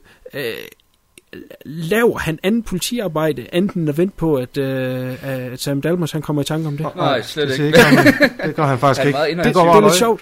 Han får, og så Det- får han hans mænd til at følge efter ham for at se, hvad han laver. Ja, nemlig lige nøjagtigt. Det er en sjov ting, og den, det er en ting, der næsten går igennem i alle de her øh, giallo, hvor der er en politimand, eller en politienhed bagved, det er, at der er meget fine scener, hvor at der bliver ind, hvad hedder det, øh, fundet spor, øh, og, og, og de er meget forsigtige med ikke at ødelægge de her spor, fingeraftryk og øh, øh, blodtyper og hvad fanden det nu ellers er, Øh, øh, fibre og sådan noget der. Men det er aldrig nogensinde det, der er med til at afsløre noget som helst. der, bliver, der bliver brugt utrolig meget tid på det, ikke? Og de bruger meget tid på det i den her film. Og det er jo noget, jeg gentog. Han sætter meget højt. Det er jo øh, teknologi og, og øh, teorier inden for mm, opklaring og alt sådan noget. Det er noget, han har brugt mange gange, og er hele tiden med der, hvor det sker. Ikke? Altså hvis han læser en videnskabelig artikel om et eller andet, det er rigtigt. øh, ny forskning, de brugte i, FBI eller et eller andet, ikke? så prøvede han at inkorporere det i hans film. Men, men det har aldrig været det, der ligesom var øh, det, der opklarede sagerne. Det har altid været det her lille, den her lille brik, der så på et eller andet tidspunkt. Ja, og det er jo så i den her film, så, så hovedet det kommer fra, fra nogle af hovedpersonerne eller politiet, det kommer fra en helt tredje part, ikke? så det er også meget sjovt, at Ja. ja. den sidste brik, den lige kommer. Jamen, det ved jeg lige, hvad. Ja. så det Ja, ja, okay, der er to brikker, der falder på brikker, plads, ja. kan man sige. men To det kommer vi til senere. Ja, men øh, med øh, øh, et forbud for at, at rejse, så øh, må han jo blive øh, i Italien sammen med hans øh, modelkæreste. Og vi har slet ikke rigtig fået vendt Susie Kendall, den frække lille mis. Mm. Hvad synes I om hende? Hun er køn mis. Hun er... Hun er fin, fin, fin, fin, mis. Fin lille mis. Fin, mis. Miau. Hun sagde med dejligt. Miau. Hun er med dejligt. uh, Susie Kendall er uh, en engelsk skuespillerinde, som uh, lidt tilfældigt falder ind i film. Hun er original model, og så begynder hun at være med i nogle film i starten af, af 60'erne, og kommer så til Italien og, og laver nogle film dernede. Øh, hendes karriere kort, jeg kan ikke huske, hvor mange år det er, men det er ikke mange år. Øh, et sted midt i 70'erne, så måske 10-15 år eller sådan noget, er, er hun med i nogle film, og, og højdepunkterne er så The Bird with the Crystal Plumage, og så den her Torso, som jeg øh, vi kommer ind på øh, i, i et senere program, som, som er en anden Giallo. Øh, så det var ikke sådan den store karriere, som så. Men hun forsvinder der i midten af 70'erne, og så hører man intet til hende før sidste år, hvor hun ligger stemme øh, til en øh, film, der hedder Barbarian Sound Studio, som er et kærlighedsbrev til de her film, der blev produceret i øh, 70'erne i Italien. Og, og, og nu snakkede jeg lidt om, hvor primitivt film de bliver lavet i Italien. Øh, selve, hvordan man lavede det, der hedder Foley-lyde, altså lydene, der er i film, hvis nogen kommer gående, eller nogen svinger en kniv, eller øh, blod strænder, altså noget der. Det er det, der hedder Foley-lyde, det er nogen, man laver efterfølgende øh, i et studie. Og det er simpelthen det, den film handler om. Det handler om en engelsk øh, øh, lydmand, der skal lave efterarbejde på en film. Han kommer så til Italien, og så øh, ned i det her øh, lydstudie, Barbarian Sound Studio, og så øh, ser han, hvor, hvor fucked up øh, ting bliver lavet dernede. Den, den er meget sjov at se, fordi det giver en form for indblik i, hvordan de lavede det, øh, foruden at det er også en rimelig sindssyg film. Men øh, den her lyddesigners øh, mor, stemmen af hende er Susie Kendall. Lille stykke trivia der, men den, den kan jeg godt anbefale, men den er pretty fucked up. Jamen er det ikke også Toby Jones, der spiller hovedrollen? En rigtig fed skuespiller. Jo. jeg havde læst Jo. om den, den Jo. være rigtig fed, men jeg ikke lige nået til den nu. Men så var det skudt netop i kog, i, i Altså- hvad hedder det, køen. Kom. Ja, altså, øh, når- når du lige har fået lidt, øh, lidt øh, giallo under huden, og, og kender lidt til, øh, hvordan de film de ser ud, og hvordan de lyder, så, så er det især sjovt. Og, og for os, der har fulgt det i mange år, så er det, så er det virkelig et, øh, øh et sjovt ja, gensyn, selvom det er selvfølgelig en ny film, men, men det er et form for gensyn i den her øh, helt sindssyge måde, de lavede film på dernede, på det tidspunkt, der tempoet og, og hvad man, hvad man lader vægt på. Så ja, interessant, helt sikkert. Men øh, hun spiller øh, Sams øh, kæreste, som øh, i den her film reelt set egentlig ikke har nogen rolle. Øh, der kommer en scene senere, som vi lige strejfer, som, hvor hun er i fokus, men ellers så er hun bare øh, i periferien, når man vil. Øh, og det er faktisk ret specielt ud fra Agentus film, fordi der er den kvindelige hovedrolle næsten altid øh, med i opklaring af sagerne, eller på anden vis et, et device øh, for at drive historien fremad. Men det er Susie Kendall-karakteren øh, overhovedet ikke i den her film man prøver endda på et tidspunkt at, at lave et eller andet... Øh, ja, hvad kalder man sådan noget? Red herring, hvor politimanden er på besøg op hos dem, og så, så hun giver øh, politikommissæren her en, en kop kaffe, og så siger han, har jeg ikke set dig før et sted? Hvor hun så kigger sådan lidt sjovt, og så siger hun, nej, det tror jeg ikke. Det er som om, at vi lige skal tro, oh, kunne det være hende, Mm. der er. Det er totalt tåbeligt, fordi det har nogensinde passet ind. Hvad sker du med det? Men uh, Sam han begynder så selv at, at, at lave noget opklarende arbejde, uh, og det er vel en blanding af, af tidsfordriv og at, at jo hurtigere han opklarer, det hurtigt kan, uh, kan han komme hjem. Men, men man kan jo ikke lade være med at tænke på, hvis han du være med at gøre noget som helst, så, uh, så er hans liv været noget nemmere. Ja, men også det der med, at han bliver også forfulgt og, og alt sådan noget. Og... Ja, han bliver forfulgt, og det gør han jo faktisk allerede på vej hjem fra politistationen den første nat. Mm. Nu, det kan godt være, at jeg missede Ja. noget fuldstændig, men ham som øh, forfølgte den, øh, den her i legemorder i gul jakke, hvad skete der egentlig taget med ham? Uh, det kommer vi lige til senere. Ja, der hopper du det lidt ganske gelinde langt ind i filmen. det vender vi lige tilbage til. Øh, nej, men altså, der, der, der er flere spor, som, som får ham ind på... Øh, øh, altså, han går simpelthen ind... Det, det viser sig, at det er fire kvindemord, der er begået, og det her skulle så have været øh, det seneste øh, af helt uprovokeret kvindemord i øh, Rom. Og øh, han prøver så at tage hver sag op, og så se, hvad, hvad kan de have til fælles. Og, og, og det får ham ud på forskellige eventyr, og, og en af dem er et maleri, som er blevet solgt ind i en butik, og kvinden, der solgte det, hun blev slået ihjel kort tid efter, og han kommer så ud og besøger øh, øh, maleren af det her maleri, som bor langt ude for landslåret, og noget en speciel mand. Øh, CK, nu sagde du, du ikke var så glad for humoren. Hvad synes du om scenen med maleren? Jeg synes heller ikke, det var sjovt. Det, øh, Det var da utroligt. det, kan jeg, sige. jeg synes bare ikke, det var sjovt. Altså, det, det stod også på, øh, på listen over, over ting, hvor jeg, jeg havde lidt, øh, lidt svært ved med, med humor. Jeg, jeg, altså, jeg ved godt, han, han gør alt, hvad han kan for, at man skal synes, det er lidt til at høre og sidde med et smil og, og sådan noget, men, men nej, den, øh, det fanger mig ikke helt selv om, altså, jeg kan godt lide selve karakteren. Altså, hele det der med, øh, som, hvor han bor op på, øh, første øh, etage i den her bygning her. Man kan kun komme op til ham, hvis han smider øh, stigen ned, og øh, den her fuldstændig særling og, og sådan nogle ting. Men, men, men, men morsomt, nej, det, det, det synes jeg så ikke. Nå, Fluen, du er da ja, jamen, hele... stemme af fornuftighed. Hvad, hvad, hvad siger du? Synes du ikke, at han er en sej karakter? Jo, jo, og hele det der katte-tingeri der, det... Ja, lige nuagtigt, der nævner du nemlig det. Der nævner du nemlig lige nuagtigt, øh, det med kattene, det var nemlig faktisk det, jeg ville ind på. Det er Agentos helt fucked up øh, øh, behandling af katte i hans film. Ja. Øh, hvad de ikke bliver udsat for at se på tværs over alle de her film, nok aller værst i, øh, i Two Evil Eyes, som Argento mm. laver sammen med Romero, hvor øh, de hver laver et segment øh, ud fra Edgar Allan Poe, og Agentus er så øh, The Black Cat, og, og du, du, hvor man følger Harvey Keitel som fotograf, som udgiver en bog, hvor han torturerer katte og tager billeder af det. Altså det er helt obskurt langt ude, ikke? men næsten i alle Argento-film, eller ej, ikke næsten alle, men en god håndfuld af Argentos-film, der er der decideret katte-mishandling med på et eller andet Ja. niveau. Det er, Han må have et eller andet traume med katte. Jeg ved ikke, hvad det er. Ja, nej. Ja. Spooky. Men det, uh, han i hvert fald finder ud af hos maleren her, det er jo så, at det her maleri er noget, øh, eller en af, de, en af de vigtige brækker i det. Og billedet, det øh, forestiller en, øh, et sådan snillandskab, og øh, op på en bakke, øh, bag ved en by, der er der en øh, kvinde, der er øh, blevet overfaldet af en mand, og blevet stukken i maven, og der er blod ud over det hele i, i sneen der. Hvad, hvad synes I om det billede? Det, Mads Umbarton. er. Jamen, altså, når, ja, når man tænker på den der øh, barlige øh, naivisme, som, som stilen hedder jo, det fungerer jo rigtig, rigtig godt med, at øh, men det er også en kunstretning, der har været, øh, været frem herhjemme også. Jeg mener også især, det var i 70'erne.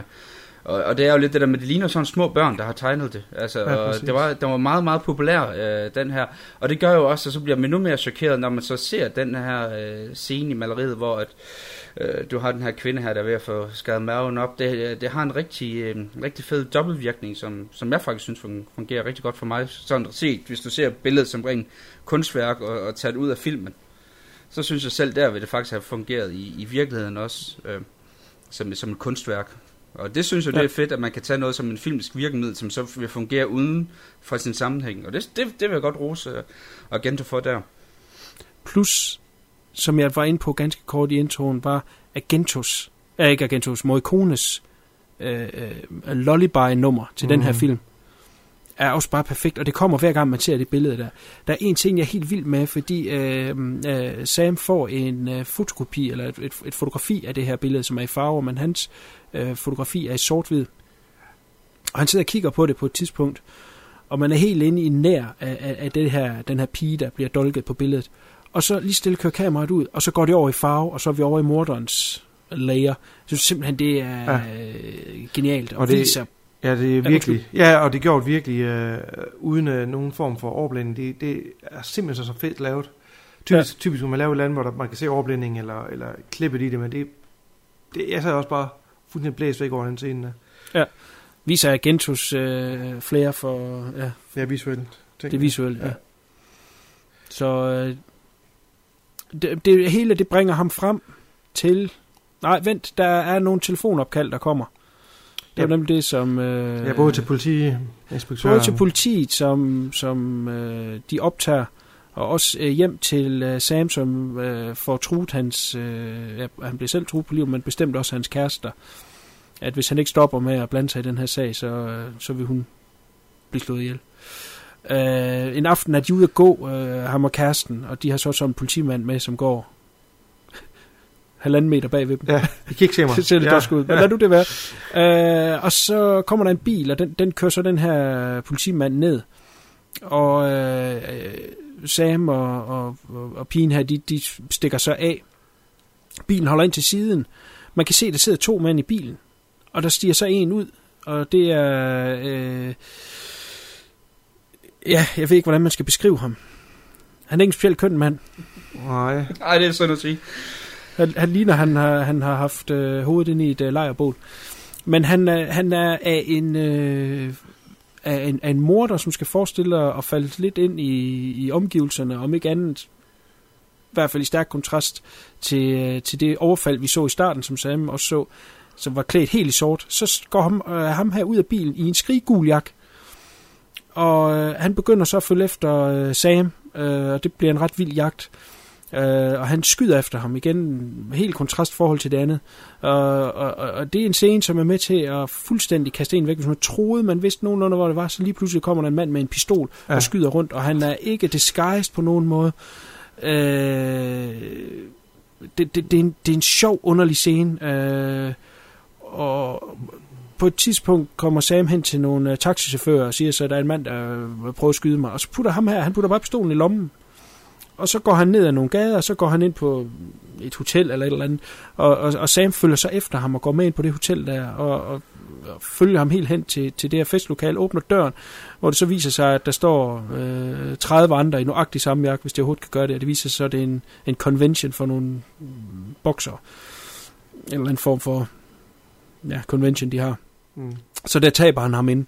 Men, men hvad tænkte de, da I så den scene? Altså, det, det, er- det er jo en virkelig skør scene. Ja, man bliver smidt hul helt af, helt af sporet. Altså, Ja. altså, det er en fed nok scene, og også der, hvor de løber rundt inde i busserne, og er ret stemningsfuld, og jeg kan ikke huske, om der er musik i scenen. Det tror jeg ikke, der er der det.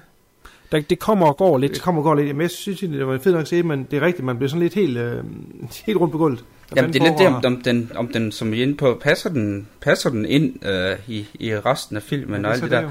Men det er også, det kan man så også godt sige igen, altså det er jo det der med, at det skal jo nok forestille, det er jo det er jo legemorder, der, der er jo hyret og alt det der, og det er også ligesom, øh, øh, som vi også er inde på, det tager os jo, overra- det overrasker os jo helt vildt, og så giver, får os også få lidt fat i os igen, fordi så vidt jeg husker, så er det også der, hvor du har været virkelig, virkelig tung med, med opklarings, øh, til opklaringsdelen af filmen, som han bruger rigtig meget tid på, som jeg også er inde på. Og så er det jo godt, at du lige får sådan et, et lille, lille los i løgne, hvis man så kan sige, så man øh, bliver sparket lidt op igen. Altså, wake up Ja. loss. Wake up loss, altså Ja, wake øh, up lige, loss. øh, lige, lige der. Og der synes jeg faktisk, at, at det var der, man var ved at begynde at blive ludet lidt i, lidt i søvn med, med alt det her technical procedure, som, som Kuhn er inde på, som er jo rigtig, rigtig fedt i, i det her film. Men det var også lige rart lige at øh, komme op igen. Ja, det er da i hvert fald en action-sekvens, Ja. ja. Der vil noget. Det ved det. Jeg ved ikke, om vi så småt skal, skal råbe spoiler, fordi der er nogle tråde, vi har smidt ud nu, som hvis vi begynder at samle op på dem, så... Øh... Ja, vi kan næsten ikke undgå andet. Nej, godt. Jeg vil øh, sige, øh, har man lyst til at se den her film ud for det, vi har sagt nu, så stop den her, og så øh, få den set, og så vend tilbage og høre den sidste del. Og har man set den, jamen så øh, kan man jo bare nyde det sidste, vi har at sige her. Yes. Godt, men som siger, kan I faktisk lige løfte slørt for der, så viser det sig, at øh, manden i den gule jakke, han er en legemorder. Øh, og hvordan han passer ind i det hele, det kommer først til sidst. Øh, et andet vigtigt spor, der kommer inden, er nemlig de her telefonopkald, øh, som de har optaget. Der er der en lyd i baggrunden, som de øh, prøver at køre igennem et eller andet maskine. Det havde jo en smart maskine dengang, som kunne sætte det op mod alle lyde. Alle lyde i hele verden. alle lyde i hele verden. Og, øh, og, og den, den maskine, uh, surprisingly nok, den finder ikke nogen lyde, det passer der til. Så øh, med det og øh, den her seneste, øh, hvad hedder det, øh, legemorder, som har været efter dem, så har Sam simpelthen opgivet. Han har fået passet tilbage af inspektøren, og nu vil han bare rejse hjem, og øh, han skal så rejse hjem. Øh, en lige hurtig øh, Ja. indskydelse til det der med det. Det skal jo lige nævnes, at de rent faktisk finder, hvad der ligner to stemmer på de her optagelser. Ja, det er rigtigt. Det er rigtigt. De finder to forskellige stemmer, men det er jo ikke noget underligt, fordi vi har set to i bilen. Altså det er Ja, ikke noget, vi præcis. på den måde sætter spørgsmålstegn ved. Det, det kan jo godt være, at det er to. Ja. Øhm, og øh, han skal jo så til at rejse, og det er selvfølgelig øh, dagen efter i morgen, som det hele tiden har været, hans, hans klassiske sætning. Så, øh, men, men da dagen endelig, øh, nej, det er dagen før, der, der kommer hans gode ven, der har skaffet ham det her fuglejob, fuglebogsjob i starten. Han kommer forbi, og så, øh, mens de er ved at pakke, og de øh, har opgivet det hele, nu skal de bare hjem, øh, så afspiller de den her trussel, så der, der var til kæresterne. Og øh, den lyd, den kan, han, den kan han få på en eller anden måde genkende, men han kan ikke sige præcis, hvad det er. Øh, Man kan jo så selv lige gætte, når man ved, hvad det er for et emne, han er inden for, og, og, og hvad han har interesse. Og titlen af Men- filmen. Ja. og titlen af filmen, ja. Så, øh, så låner han bånden bag hjem, og så skal han så finde ud af, øh, hvad det er, øh, den her lyd, den kommer fra. Og så, jeg, jeg springer lige ge- ge- gelinde over det her, der kommer et, et, et overfald på kasten. Det er igen en af de her scener, som egentlig ikke rigtig bibringer noget som så. Det er den eneste scene, hvor hun ligesom er i fokus, men, men igen er det sådan en scene, jeg synes, det er fint. Og der er masser af suspense, og der er vi tilbage ved det der med uh, Painting with Darkness. Altså, Ja. ja. der er jo Helt mørkt. Ja. helt mørkt. Alt er jo sort nærmest. Ikke? Det er jo kun lige lidt lys ind for vinduet, der gør det. Øhm, men igen ikke en scene, som, som bringer handlingen som så fremad. Men den er spooky af helvede til. Jeg tror, at det er en af de scener, man husker ja. fra filmen af, men i sikkert. sig selv er det ikke en, der, der driver plottet fremad. Øhm, vores ven her, han finder ud af, hvad det er for en lyd, der er på båndet. Og det er en fugl, der hedder... Ja, jeg ved ikke, om man får navn på den, men den har i hvert fald de her krystalfjer, og det er jo så det titlen er fugl med krystalfjerdragt. Og øh, den findes kun et sted i byen, eller det er få steder i verden, hvor den er i, i fangenskab, og den er så i Rom Zoologiske Have. Og der tager de så ned, Sam og kæresten, ham manden her, og øh, to politifolk, tror jeg det. Mm. Og mens de står og kigger på burt der, der kan han så se over på den anden side, at det passer præcis med, hvor øh, offret fra, øh, altså den her kvinde fra, fra, fra overfaldet, han så, øh, de bor. Så derfor tager de op, og da de kommer ind øh, i huset, der, der står, eller lejligheden, der står manden til øh, galleriejeren der, og så øh, konen, de står igen og slås om kniv. Og, og, og manden skubber så kvinden væk, og hun går bag politifolkene, og manden står så tilbage med kniven. Og de siger så, ah, smid kniven, smid kniven væk. Men han ender med at, at hoppe ud af vinduet. Øh, de prøver forgæves at redde ham, men han ender med at falde ned og, og bliver meget øh, alvorlig, øh, kom, kommer til skade. Og, og der kommer så, øh, øh, hvad hedder det, øh, politiet igen med deres øh, specielle udstyr til at optage hans, hans hvad hedder det, øh, hvad hedder det, tilståelse. Mm. Han tilstår, at han har begået alle mordene. Og, og der kan man jo sige, at her slutter filmen jo egentlig. Øh, hvis det ikke lige var fordi, at øh, kæresten her, øh, galleriejernes kæreste, hende der blev overfaldt, hun er, hun er øh, forsvundet. Og med hende er også forsvundet øh, Saldam, Dalmas kæreste og ham her ven. Og der tager Sam så ud for at at finde dem. Og, øh, hvad, hvad tænker I til den der gåtur, han har rundt i rum og spørger tilfældige mennesker, og så finder han præcis hen, hvor det er, de var. Ja, det undrer mig lidt over. Jeg sagde sådan lidt, det var lidt for belejligt. Og de er så venlige, de der romere, der er jo, altså det ja, det må venligt være. folkefærd. Venligt. Ja, han, han går rundt, og så finder han en gammel mand, der står og fejrer og siger, har du set en øh, blond pige? Ja, hun gik ind ad den dør lige derovre. ja, okay, tak. Men det er en meget sjov passage her, fordi det er jo meningen, vi skal tro, at filmen er slut. Mm, ja, ja. Ikke? Men alligevel kan man ikke lade være med at tænke, hmm, der må være noget mere. Og det er jo igen en ting, der går igen i næsten alle Argentos film. Det er den her lidt falske slutning, vi skal Ja. tro, at det er jo. Twisted sammen. Ja. Ja. Nej, men uden at gå for mange øh, detaljer, øh, og nu kommer så The Big Spoiler. Så Dalmas finder hen, og finder kæresten bunden, og, Sort. ja, og, øh, og vennen der slået ihjel. Jeg ved ikke, om de prøver så lidt at sætte op til, at det kunne være ham, der Jo, det gør de, fordi han sidder med kniven med så et sjovt smil. Ja, med sjovt smil, og så Og falder så han forover. falder for, så det er helt klart endnu et sådan throw-off. Åh, oh, er det nu ham? Ja, det er lige en, der kommer i, i 11. time, som ikke helt ja. fungerer. Men øh, afsløret bliver det hurtigt, at det er øh, kvinden, der blev overfaldet i galleriet, som er morderen. Og så er det den her berømte brik falder på plads. Det var hende, der holdt kniven. Det var ikke manden. Det var ikke manden, nej. Og det er så det, der ligesom er øh, brikken. Øh, og øh, som en hver interesseret filmnørd, så går man jo lige tilbage, og så ser man, kan det nu også passe? Men Argento har skudt det, så man faktisk ikke kan se det i starten. Okay. Øh, det er en teknik, han bliver bedre til senere. Så når brikker falder på plads i film, i nogle af hans scener, så kan man gå tilbage og se i starten, og så er det faktisk rigtigt nok. Man nåede bare ikke selv at opfatte det. Er det ikke Det er så fedt. Deep Red, Det- altså jo, jo, jo, jo, præcis. Er det ikke, Der- ikke, der- ikke især der, skal I du får ikke ikke, spoil den? Jo, Jo, jo lige Der, præcis, der man ser du faktisk ser du ikke morderen allerede fra start hvis man lige er opmærksom. Jo, jo, nu skal du ikke afsløre for mig, Nej, nej, nej, men det var bare lige sådan, at, vi. at hvis man er, hvis man er hurtig der, så... Ja, så har Ja. man morderen, ja. Det er Ja. korrekt. Og hun har så en lang historie om, hvorfor det er, hun er gået på det her killing spree. Og det er der, hvor Gerlo-film nogle gange falder lidt flat. Fordi den, den, den er jo lidt underlig. Hvor, hvor, hvorfor valgte hun de ofre? Og... Mm. Jamen, der lavede de jo sådan en, en Hitchcock-løsning hyldest. Altså det der med, at så har du til sidst sådan, efter det hele er, så har du den her psykolog, der forklarer hvorfor. Ligesom i Ja. Psycho for eksempel. Jeg synes, Ja. Altså der, der, der, er man faktisk, det, det sad sådan og, og smile lidt over, synes det var, det var faktisk ret, øh, ret fedt, at han, han valgte at, at, at bruge den, øh, især når man også tænker på, at han er også meget inspireret af Hitchcock i, i, øh, i meget den måde, som han, han bygger spænding og atmosfære op på. Så var det faktisk også ret fedt, at den, han tog den her sådan lidt, lidt tydelige øh, Mm. hyldest til, til Hitchcock der med øh, fra Psycho. Det synes jeg fungerede rigtig godt. Ja, men det giver stadig ikke helt mening. Altså, der er jo ikke grund nej, det gør det ikke. Altså, jeg giver det. Altså, det er jo ligesom for eksempel i, uh, i Psycho, det er jo også hele det der med moderbinding og sådan lidt. Altså, det er jo en, en, en virkelig gang freudiansk sludder, hvis man skal sige det på den måde. Men, men det er sgu meget fedt, at de ligesom prøver på at sige, jamen, det kan måske godt være. Ja. Ja. True. Men hvis jeg lige ganske kort, nu har vi jo afsløret, øh, øh, hvem morderen er.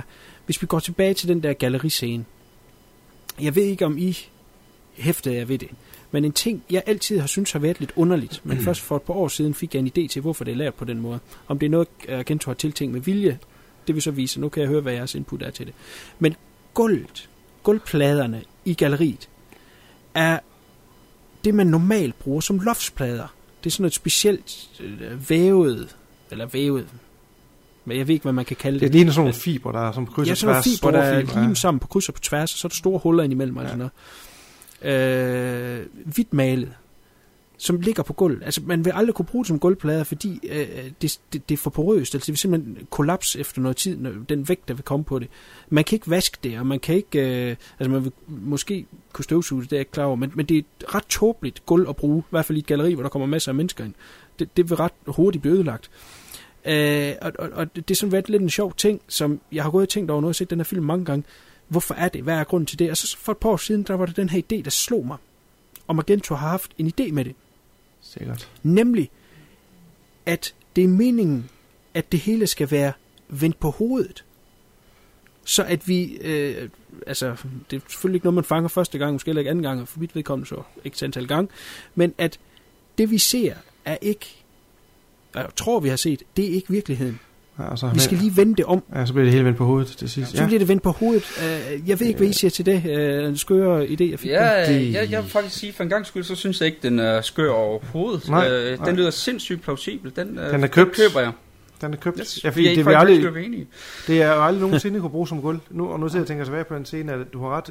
Selv hvor han ligger under det her billede, hvor hun stikker efter ham, der er det Ja. helt tydeligt, det der gulv er jo umuligt at bruge som gulv. Så det, Ja, hun, ja i, i, i, i slutscenen, der vælter ja. Ja. hun et, et, et kunstværk ned over ham, som har nogle pigge. Ja. Ja. Han bliver så fanget under det, og, og, og da hun så hopper ned på det, og står sådan på, på bagsiden af det, og presser det ned mod ham, der kan vi se de pigge der, de, hvor let de går ned i gulvet. Ja, Ja. præcis. Og det er selvfølgelig det, der har haft en effekt også. De har sikkert siddet og tænkt, hvad kan vi lave gulvet af? Mm. Ikke? Det er selvfølgelig også noget at sige, at det skal være blødt, ikke? Men, men samtidig kan jeg bare ikke lade være med at tænke på, at de kunne have valgt meget anden type gulv, Ja. der kunne have haft en effekt der. Øh, Ja. ja. men, men, men ja, den er meget sjov, om, om han har tænkt det ind i det. Altså, det er hans mest gennemarbejdede, og, og på, på visse måder også mest personlige film. Øh, så, så man kan jo ikke øh, helt øh, afvise, at, at han har gjort sig så dybe tanker. Vi må jo prøve at få ham med på vores podcast til et lille samtale, og høre, hvad han siger til det. Hvad han siger til det? Ja. Det kan være. Uh, jeg har set og læst utrolig meget om Argento. Jeg har set mange dokumentarfilm, læst meget. Og uh, den her lille uh, tidbit, den, den har jeg aldrig set nævnt i forbindelse med Bird with the Crystal Plumage. Så måske er der noget på den, og måske er der absolut intet over. Det er bare tilfældighedens spil. Ja. Hvem ved? Hvad, lige en, en lille bitte ting her til sidst. Uh, CK, jeg ved, du har set Blow Up af Michelangelo Antonioni. Ja. Uh, var der nogle ting undervejs, du tænkte uh, var lidt Antonioni-agtig? Ja, nu når du siger det, så vil jeg faktisk give dig... Ja, altså der er jo den der... Øh, også lidt øh, følelses af, af magtløshed, som, som også er der, hvor du også har øh, de her lidt kunstnertyper, hippe typer, øh, som skal opklare en, en forbrydelse, hvor der er et eller andet, der, der overfor man ikke helt ved. Altså, i Blow Up ved man jo ikke, om der er begået et mord. Altså, det, det, er jo, det, er jo, det er jo en af de ting, som... øh, Altså, det finder du aldrig ud af, undskyld, nu spoiler jeg den film, men det, det er en af de ting, som de jo bliver hyldet for, det er, at man aldrig helt ved, hvad der foregår, og det er jo også lidt det, det samme i den her, hvor du har øh, to Ja, plus det er en hovedpersoner. lille detalje, ikke? Hvad siger du? Ja, plus det er en lille detalje, Ja. ja. som er hele tiden off. Og, er hele og- tiden off, og er og, det, og, og fotografen, ja. der er i Blow Up, er jo bare en normal mand, som lige Ja. pludselig bliver viklet ind i det her. Og det er det samme her, så jo, der er, der er helt klart nogle, øh, nogle lighedspunkter øh, mellem de to film. Det, den vil jeg godt gå med til. Det går ikke, altså Antonionis øh, film, og i særdeleshed selvfølgelig Blow Up, er faktisk noget, der går igen i Argentos film, når man ser flere og flere af dem. Og, og David Hemmings fra øh, Blow Up er jo også med i Deep Red. Så, så det da, øh, har sikkert været en drøm at, at, for Argento at, at komme til at arbejde med ham.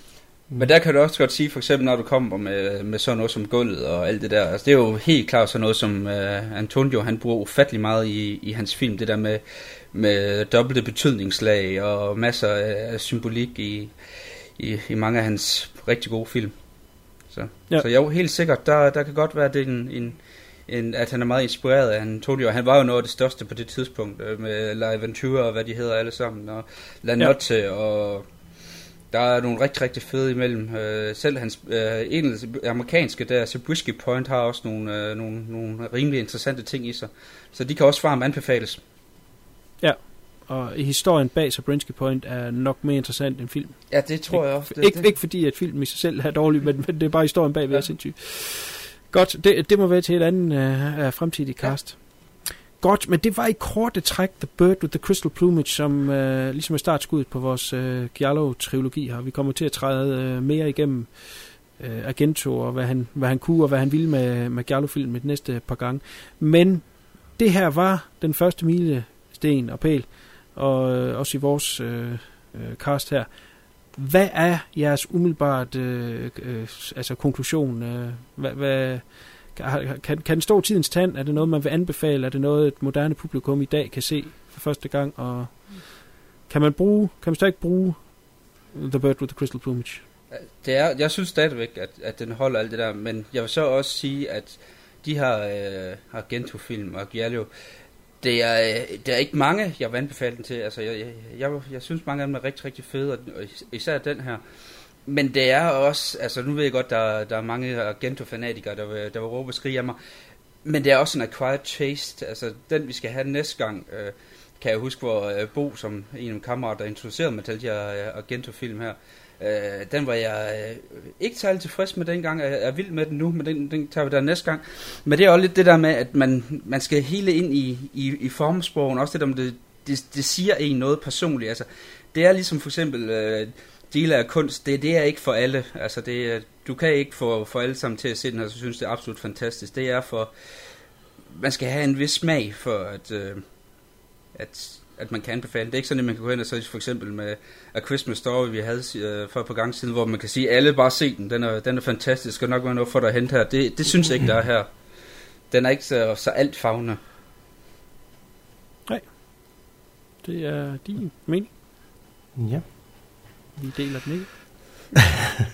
Ja, men det, det, det kan jeg så godt. Jeg har prøvet at nej. vise de her Ej, til mange, jeg så er jeg også- kan jeg er sige, øh, ved øh, Empirisk Data, så vil, jeg, så vil jeg sige, nej, der, der, der vil jeg for en gang skyld stå fast på min holdning. Det, at det, det kan man sgu ikke. Du kan ikke få... Jeg tror nok heller ikke, du kan få dine forældre til at synes, det var absolut fantastisk. Fordi de er jo ikke målgruppen. Det skal man også tænke Nå, på. nej, nej, nej. nej. Nej. Det er fair nok. Approved. Fluen. Øh, jeg synes stadigvæk, at filmen holder. Jeg var glad overrasket, da jeg så den igen. Det er mange, mange år siden, jeg har set den sidst.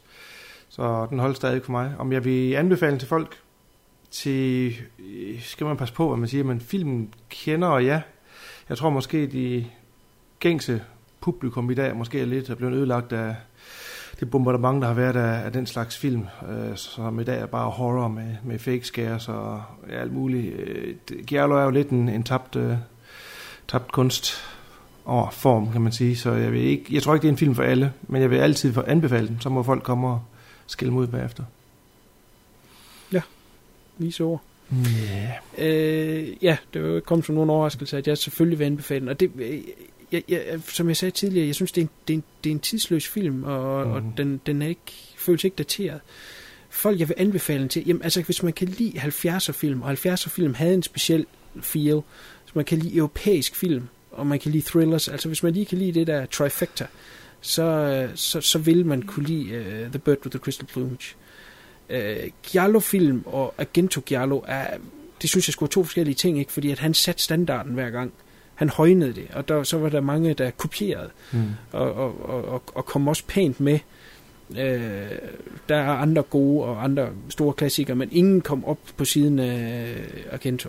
Så altså, jeg vil sige, jeg vil ikke umiddelbart sige, at man bare skal løbe ud og se alt Giallo, men øh, at starte et sted øh, med den her store genre, hvis man er fuldstændig ukendt over for det, så synes jeg, at The Bird with the Crystal Plumage er et rigtig godt sted at starte.